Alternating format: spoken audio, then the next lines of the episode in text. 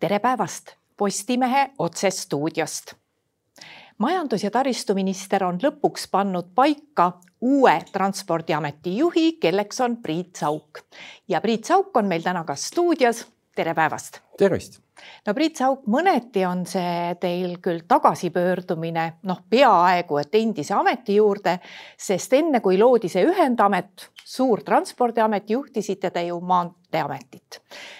kas see ühendamine teie hinnangul, mis tänaseks on toimunud ja sellise suure ameti loomine, mida te kohe juhtima hakkate, oli õige otsus? ma kindlasti pean ennast selle ühendamise idee üheks äh, algatajaks, aga kindlasti tulihingeliseks pooldajaks ja tegelikult see ettevalmistustöö sai tehtud minu juhtimise all. et äh, viimased kolm kuud, kui ma enam ka Maanteeameti peadirektor ei olnud, siis minu roll oli selle ametite ühendamise projektijuhina ikkagi need meeskonnad äh, panna valmis selleks suureks ühendametiks. enne seda loomulikult ka mitme aasta jooksul teostasime analüüsitöid, äh, miks üldse selline mõte oleks äh, sellise väikse riigi jaoks nagu Eesti üldse vajalik ja mõistlik. analüüsisime teiste riikide kogemusi, Soome, Rootsi on selle teinud tänaseks siis juba kuskil kolm-neliteist aastat tagasi ära. ja kindlasti ma olen jätkuvalt selle toetaja ja usun, et see oli õige otsus no tänaseks on majanduskeskkond palju muutunud võrreldes selle ajaga, kui te sellest majast nii-öelda ära läksite. ehk siis äh, aasta tuleb kuidagi lõpuni saada olukorras, kus tegelikult hädas on nii teedeehitajad kui bussiettevõtted, sest äh, kõik asjad on kallinenud, bussiettevõtete puhul mootorikütus eriti. et ma ei tea, kui palju te olete nüüd nagu jõudnud numbritele pilku peale visata ja kuidas selle aasta kõigepealt lõpuni saab kindlasti ma ei ole ühelegi numbrile saanud peale vaadata, sest ma praegugi olen veel ametis RB Rail, Rail Baltica ettevalmistusfirma Eesti filiaali juhina ja olen seda järgmise reedeni. nii et mul ei ole nende numbrite osas ülevaadet, küll aga olen teiega nõus, et tänane majanduskeskkond, geopoliitiline olukord on nii palju maailma muutnud, et see ei ole see, kus ma olin kaks aastat tagasi, sellest ma saan täiesti adekvaatselt aru tean ka nendest probleemidest, et kütuse kallinemised on toonud väga suured probleemid ühistranspordi korralduse poole peale. teedeettevõtete probleemidest, muredest sain eile osa osaledes Taristuliidu konverentsil, kus räägiti teede rahastusest ja selle tulevikust. Need on tõsised teemad, mis vajavad diskussiooni ja ühiskondlikku kokkulepet. kui ma ka kandideerisin, siis küsiti minu käest Riigikantseleis, et kuidas sa kavatsed lahendada need probleemid, kui raha ei ole ma jäin enda juurde, nagu olen öelnud juba ka seitse aastat tagasi, et äh, ei ole selle ameti roll trükkida raha ega kaevata ka naftat või otsida meie riigi pinna seest. Selle ameti roll on kasutada säästlikult ressursse, mida on poliitiliste ringkondade läbi otsustatud, läbi eelarve eraldatud ja nende raamide piires käituda. loomulikult tehes omalt poolt ettepanekuid, et äh, kuidas neid prioriteete seada, kuidas mingeid probleeme lahendada aga raha juurde hankimine käib ikkagi meil tsentraalselt läbi rahandusministeeriumi ja valitsusotsuste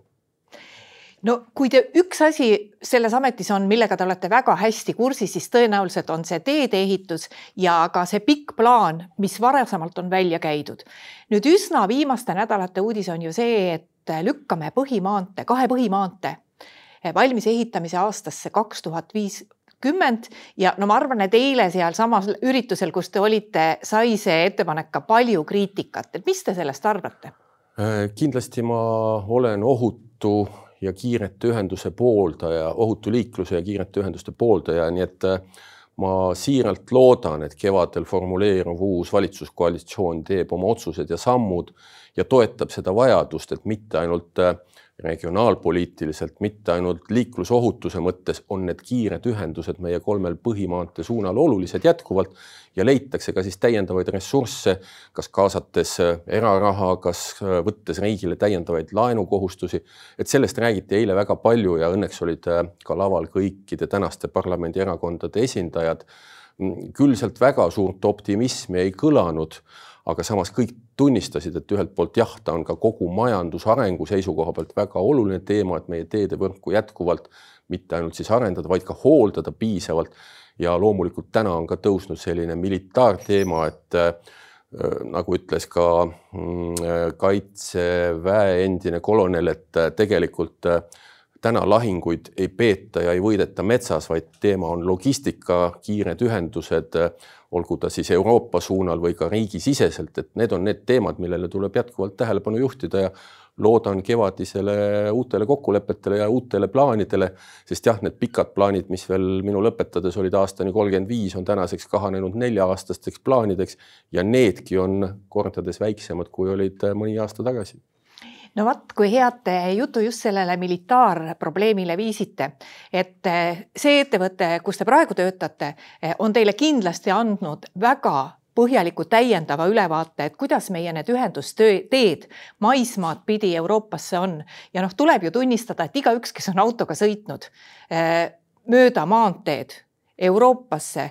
on kogenud seda, et kohati on meie teekond Euroopasse läbi külavahe tänavaid, läbi väga aeglast liiklust, et ka sõjanduse koha pealt ja ütleme, militaarvaatevinklist on need, need ühendusteed ikkagi väga halvad. kas see võtmesõna siin on ikkagi raudtee? Ma arvan, et võtmesõna on raudtee, sest kindlasti raudtee nii oma läbilaskvuselt, kandevõimelt kui kõigelt muult on äh, midagi muud võrreldes maanteedega. Ja kindlasti minu tänane töö ja Rail Baltica projekti ettevalmistamise samuti üks väga oluline noh, nagu aspekt või argument on see, et tagada kiire ühendus Euroopaga, kaasa arvatud militaarvaates, aga loomulikult äh, ainult raudteid noh, ei saa ka vaadelda, et ka teedevõrgu jätkuv ühendamine Euroopa suunal väga tähtis, et see sõna Via Baltica peaks veel korra tõstma nagu samaväärse tähtsusega lauale, kui on Rail Baltica. seda samuti ka eile meie hea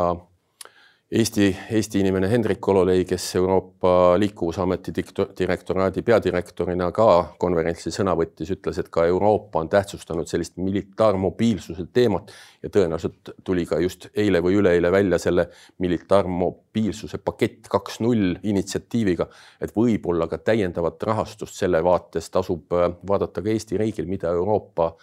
saab meile toetuseks anda, et kiiremini välja ehitada meie ühendust Euroopa suunal kas ma saan teist õieti aru, et meil on äh,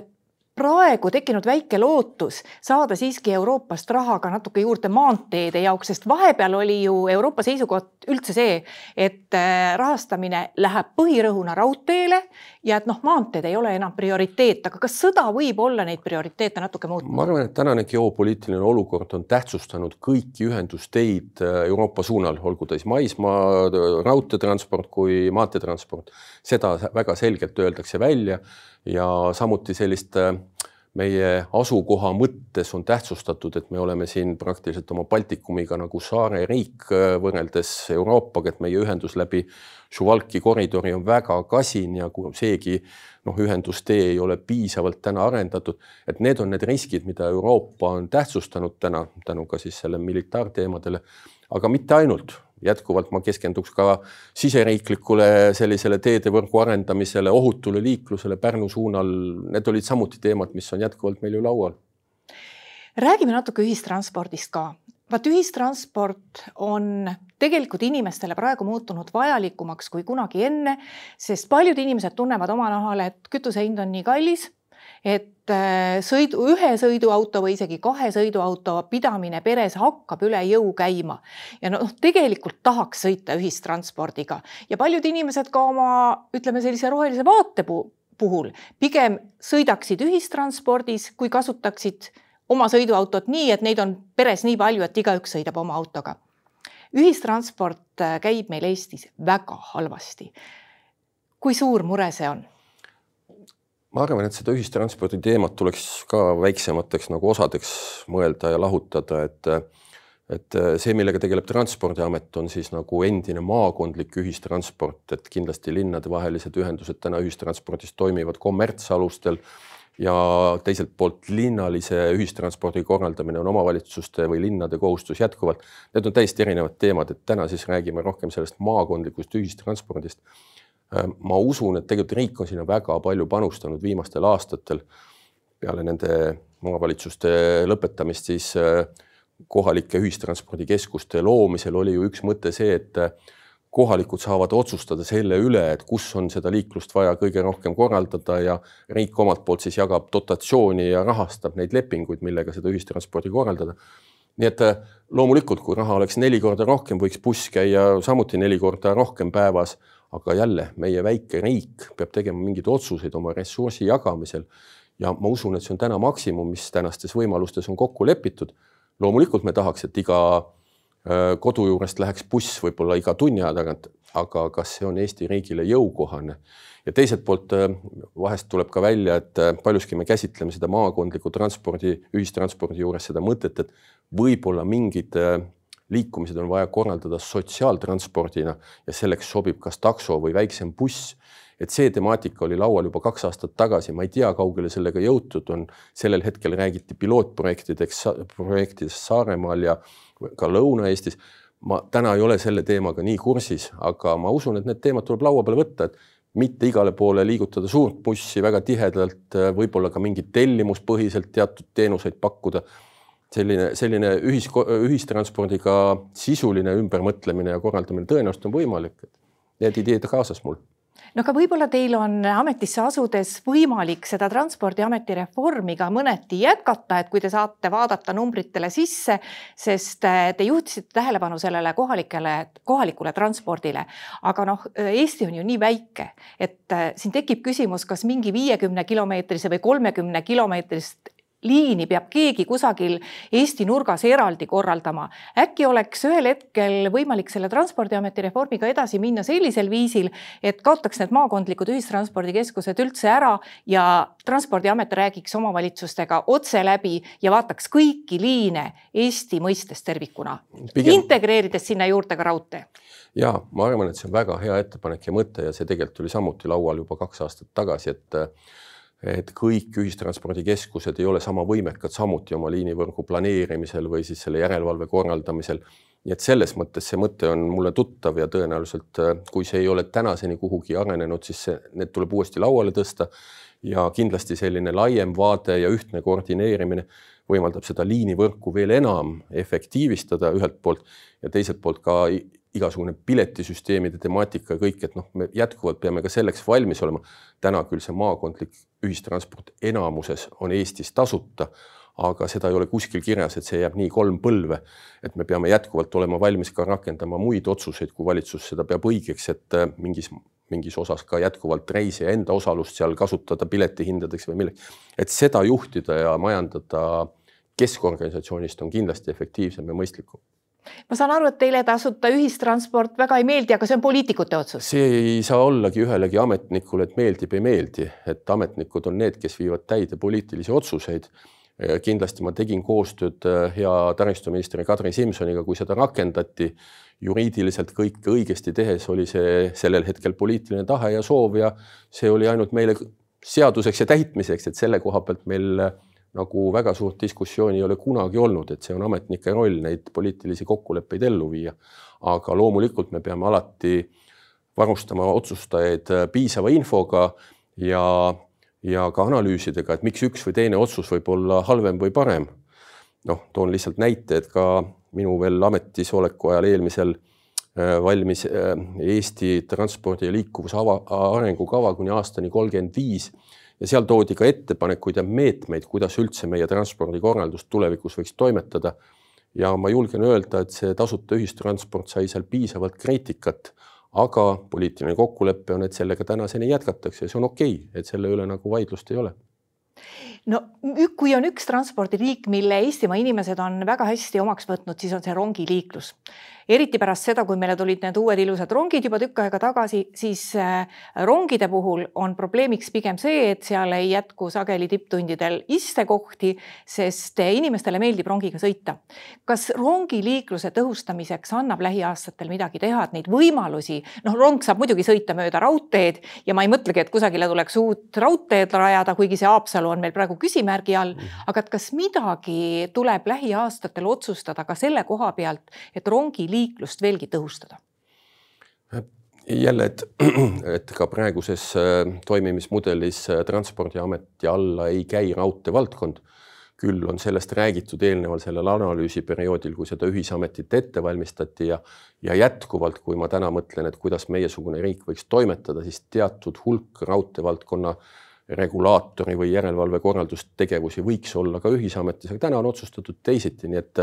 ma raudtee poolele täna väga tõsiselt ei keskenduks, aga see küsimus, et kas raudteetransport on mõistlik, vajalik, me näeme seda, nagu te ütlesite, et reisijad on selle meelsasti omaks võtnud ja tean ka neid otsuseid, et tegelikult ju riik on eraldanud Elronile lisavahendeid ja on tellitud lisarongid et äh, veel rohkem inimesed saaksid sõita, teiselt poolt siis investeeringud taristusse. me teame, et Tartu suunda ehitatakse sirgemaks uute sildadega ja valmistatakse ette siis selle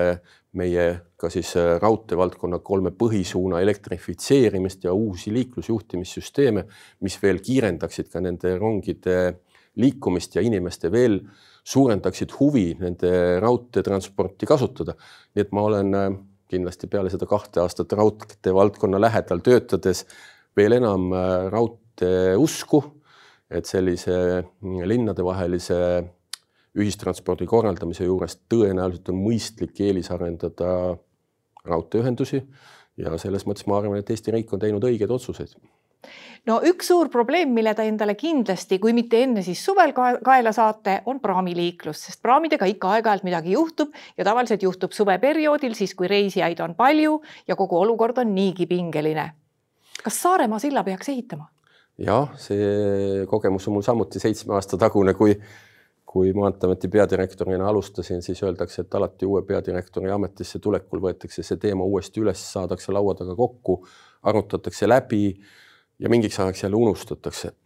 mäletan, et ka eelmine kord äh, käivitati uus uuringute teema, keskkonnateemad tõsteti korraks lauale. ma hetkel ei tea, mis selle seisukord on, ma tean, et räägiti eriplaneeringu algatamisest umbes kaks-kolm aastat tagasi, äh, mis pidi siis rahandusministeeriumi eestvedamisel toime, toimuma. mul ei ole infot täna, ma kindlasti viin ennast kurssi sellega ja, ja kas Saaremaale sild? jah kuna ja võrreldes teiste prioriteetidega, mis Eestis on, ei julge täna midagi lubada, et tõenäoliselt neid vajadusi, nagu me oleme juba rääkinud, on teedevõrgule, on ühistranspordile, on raudteevaldkonnale, sild on kindlasti seal üks äh,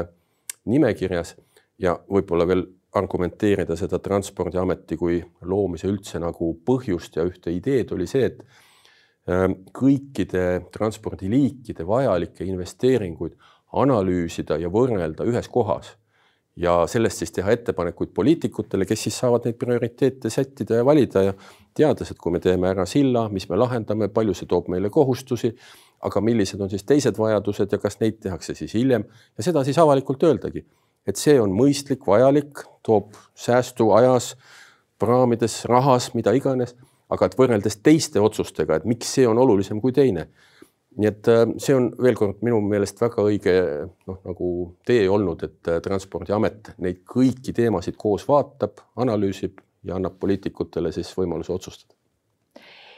no üks keeruline asi, mis on eriti tuntav siin pealinna piirkonnas, aga ma arvan, et ka teiste suuremate linnade ümber, kus siis äh, ühelt poolt käib linnatransport, teiselt poolt käib ümbritsevate valdade transport, mis sageli linnatranspordiga võrreldes toimetab nii halvasti, et inimesed parajagu parast tulevad kohe kindlalt oma autodega linna ja siis see linn kohaliku omavalitsusena peab mõtlema, et kuhu need autod kõik panna. Tallinna piirkonnas on see probleem eriti terav. Tallinn küll tasuta ühistranspordiga meelitab oma inimesi bussi, see ka väga hästi ei õnnestu, aga ülejäänud valdadesse ehitab neljarealisi teid, et siis inimesed saaksid võimalikult kiiresti sealt oma kodust tulla pealinna ja ummistada kõik siinsed tänavad. kus siin lahendus on? kindlasti lahendus ongi selline terviklik ja laiem vaade ja mõistlik planeerimine alates linnaruumi planeerimisest ja siis juba maakondlikust ruumilisest planeerimisest, et kus asuvad meie töökohad, kus asuvad meie elukohad ja kuidas on loodud need ühendusvõimalused. mäletan jälle selle liikuvusarengukava tegemise juures tehti väga põhjalikke analüüse nii selle linnalise liikuvuse mõttes, suuremad meie tõmbekeskused kui, kui riik tervikuna ja ja kui ma õigesti mäletan, et selline keskmine liikumisteekond tööle ja tagasi, noh, inimesel, kui see on enam kui kui kakskümmend minutit, siis tõenäoliselt ei valita ühistransporti. et kui me suudame luua ühistranspordiühendused, mis on kiired, noh, siin on juttu olnud kiiremast trammiühendusest kuni Jürini ja ma arvan, et need on lahendused, mis tooksid inimesi veidi enam ühistransporti kasutama, mitte veidi enam, vaid suisa ma usun, et oluliselt enam. aga nii nagu ka eile jälle Tallinna linnaarhitektid ja planeerijad konverentsilgi ütlesid, et kui täna Tallinnas trammi keskmine liikumiskiirus on kuusteist kilomeetrit tunnis, et noh, siis sellega inimesed ei vali seda oma esimeseks eelistuseks ja jätkuvalt on nii oma igapäevaseid toimetusi kui tööl käimisi oluliselt mugavam ja kiirem noh, sooritada autoliikluse tõttu, et see on see, et kus me oleme täna ja ja neid otsuseid ja muudatusi ei teha lühiajaliselt, need on väga pikad protsessid, et üldse linna planeerimisel õigesti kavandada meie linnaruumi, mida siis ühiselt jagada, kergliiklejad, jalakäijad, autod, ühistransport ja samuti siis need lähivallad. jälle mäletan projekti, mis käivitati mõni aasta tagasi, et äh, Tallinn ja tema lähivallad vaataksid terviklikult sedasama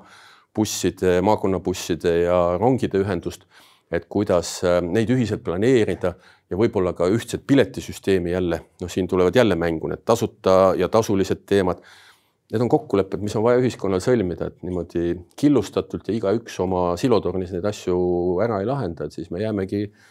mõnes hetkes võib-olla ummikus istuma, aga noh, ma jälle väga suur ise autokasutaja ütlen, et tegelikult Eestis ummikuid ei ole. talv on kohe käes ja kohe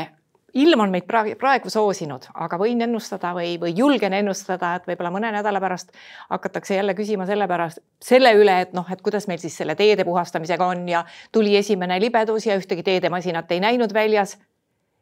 Te teate kindlasti väga hästi seda, et tegelikult võiks teid ka oluliselt rohkem puhtaks kraapida, kui seda, seda tehakse, aga küsimus on alati kas see rahakulutus on mõistlik. et kas need otsused, mis siiani on tehtud, et me teeme enam-vähem puhtaks, et saaks sõita ja oleks enam-vähem, enam-vähem ohutu, aga me väga palju rohkem ei taha ka kulutada, et kas need otsused on siiamaani nagu tehtud mõistlikult?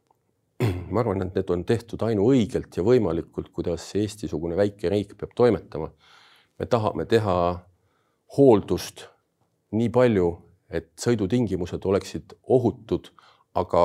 liiklussüsteemis on igal osapoolel oma vastutus, kaasa arvatud liiklejal endal. et seda tingimust ei teki mitte kunagi, et ühelgi maanteelõigul näiteks poole tunni jooksul ei oleks libedust, seda ei ole võimalik saavutada. riigiteede võrk on umbes kuusteist tuhat kilomeetrit ja panna iga nelja või viie kilomeetri tagant hooldeauto ootama liivakoormaga, seda ei ole võimalik saavutada. nii et me teeme tarka planeerimist läbi selle, et teedele on rajatud umbes paarisaja ilmakeskuse, mis annavad nagu infot, et kus võiksid minna teed rutem libedaks või kust tuleb sadu või kus toimub jäätumine ja sellele reageerivad läbi juhtimiskeskuste hooldepartnerid. ma arvan, et see on ainuõige, mõistlik ja vajalik, aga seda, et lubada igale kilomeetrile hooldeautot, seda ma kindlasti ei luba ja see ei ole ka Eesti riigi jaoks mõistlik et kutsun jätkuvalt üles kalleid autojuhte, et äh, kui on libe, võtke hoog maha ja see on teie vastutus ja olles ise samamoodi autoroolis, ma saan aru, millest ma räägin ja kui nüüd ilm peaks meid soosima ja meil on ka kahe nädala või kolme nädala pärast üksteist kraadi sooja, siis oleks ju kole kahju, kui teid kulutatakse jätkuvalt naastrehvidega. kas te olete ise naastrehvi usku? Äh, jah, ma olen seda kõva häälega välja ütlenud, mina olen naastrehvi usku ja tegelikult ma arvan, et see on mingil määral minu elukindlustus, et ma olen äh, aastas keskmiselt sõidan kuskil kolmkümmend viis kuni nelikümmend tuhat kilomeetrit tänu oma ametitele erinevatele. aga samas ma annan endale aru, et ühelt poolt on see ka priiskamine ja meie noh, jälle teeressursi kulutamine et, et need na naastrehvid siiski kulutavad rohkem meie teekatet, sellest me kõik saame aru. ja võib-olla nad on enam põhjustat-, põhjendatud just sellistel teedel, mis on halvemini hooldatud. kui ma ühelt poolt ütlen, et teed on väga hästi hooldatud ja ise kasutan naastrehve, ma näen seal väikest vastuolu. aga enda ohutuse seisukoha pealt ma tahan öelda, et ma pean jätkuvalt naastrehve ohutumaks. on erikoolkonnad, kes ütlevad, et see parem kui teine või teine halvem kui teine et seal ei ole tõde ja valet ja täna on see Eestis lubatud, aktsepteeritav ja ma arvan, et need autokasutajad jagunevad umbes pooleks, et ühed toetavad, teised on vastu. eile jälle rääkisin teedeehitajate, hooldajate firmade juhtidega, tulid ka naastrehvid teemaks ja ja samuti, et kas see kulutab liiga palju meie teede pinda või kas, kas tellija riik on käitunud õigesti, et milliseid nagu materjale või kivisid siis kasutada teekattes, mis kuluksid vähem tänu sellele. et noh, jälle see on mingite hetkede kokkulepped ja, ja parim teadmine, mida tehakse nii teede kavandamisel, ehitamisel kui ka teiselt poolt siis, et meie anname hinnanguid, et kas see on nüüd mõistlik või, või peaks kasutama ainult siis lamellrehve. mina ei ole see kõige suurem tark selle koha pealt ütlema. ma pigem olen ohutuse eestkõneleja, seal ma tänaseni ütlen, et äh, ma usun naastrehvi. Priit Sauk, aitäh ühinemast meie saatega. aitäh teile. Aitäh ka kõigile neile, kes meid vaatasid. järgmine Postimehe otsesaade on nüüd eetris juba esmaspäeval seniks lugege uudiseid postimees.ee